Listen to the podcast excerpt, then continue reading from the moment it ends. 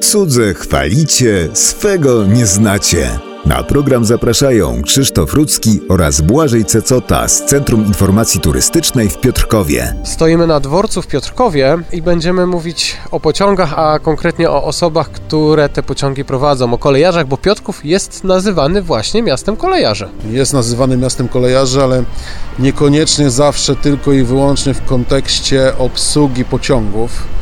Tutaj w Piotrkowie w latach 20. XX wieku, 100 lat temu, powstał jeden z największych zakładów związanych z kolejnictwem obok Pekinu, lokomotywownia piotrkowska, gdzie naprawiano lokomotywy i naprawiano ich setki.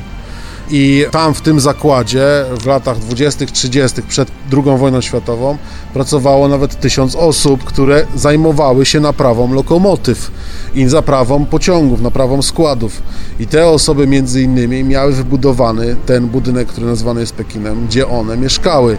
I stąd raczej bardziej bierze się to, że Piotrków był miastem kolejarzy, bo ludzie związani z kolejnictwem w dużej liczbie pracowali po prostu w przemyśle związanym z tą branżą.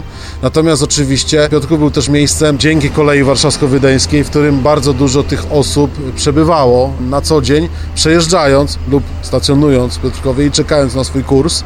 No bo ten rozkład torów, który jest przed oczywiście dworcem, tam gdzie funkcjonuje dworzec towarowy, no był bardzo często używany do tego, żeby zmieniać kursy i tak dalej. I oni tutaj funkcjonowali. No a obok była zachowana do dzisiaj stacja kolei wąskotorowej, gdzie była też przekładnia z torów szerokich, tych, które funkcjonowały tutaj dla dużych pociągów, na te węższe składy, które jeździły na kolei wąskotorowej, bo kolej wąskotorowa wbrew temu, co niektórzy myślą, nie była atrakcją turystyczną, tylko była koleją przemysłową związaną z wapenikami w Sulejowie i po to była wbudowana, więc chodziło o przewożenie towarów, a nie ludzi przede wszystkim.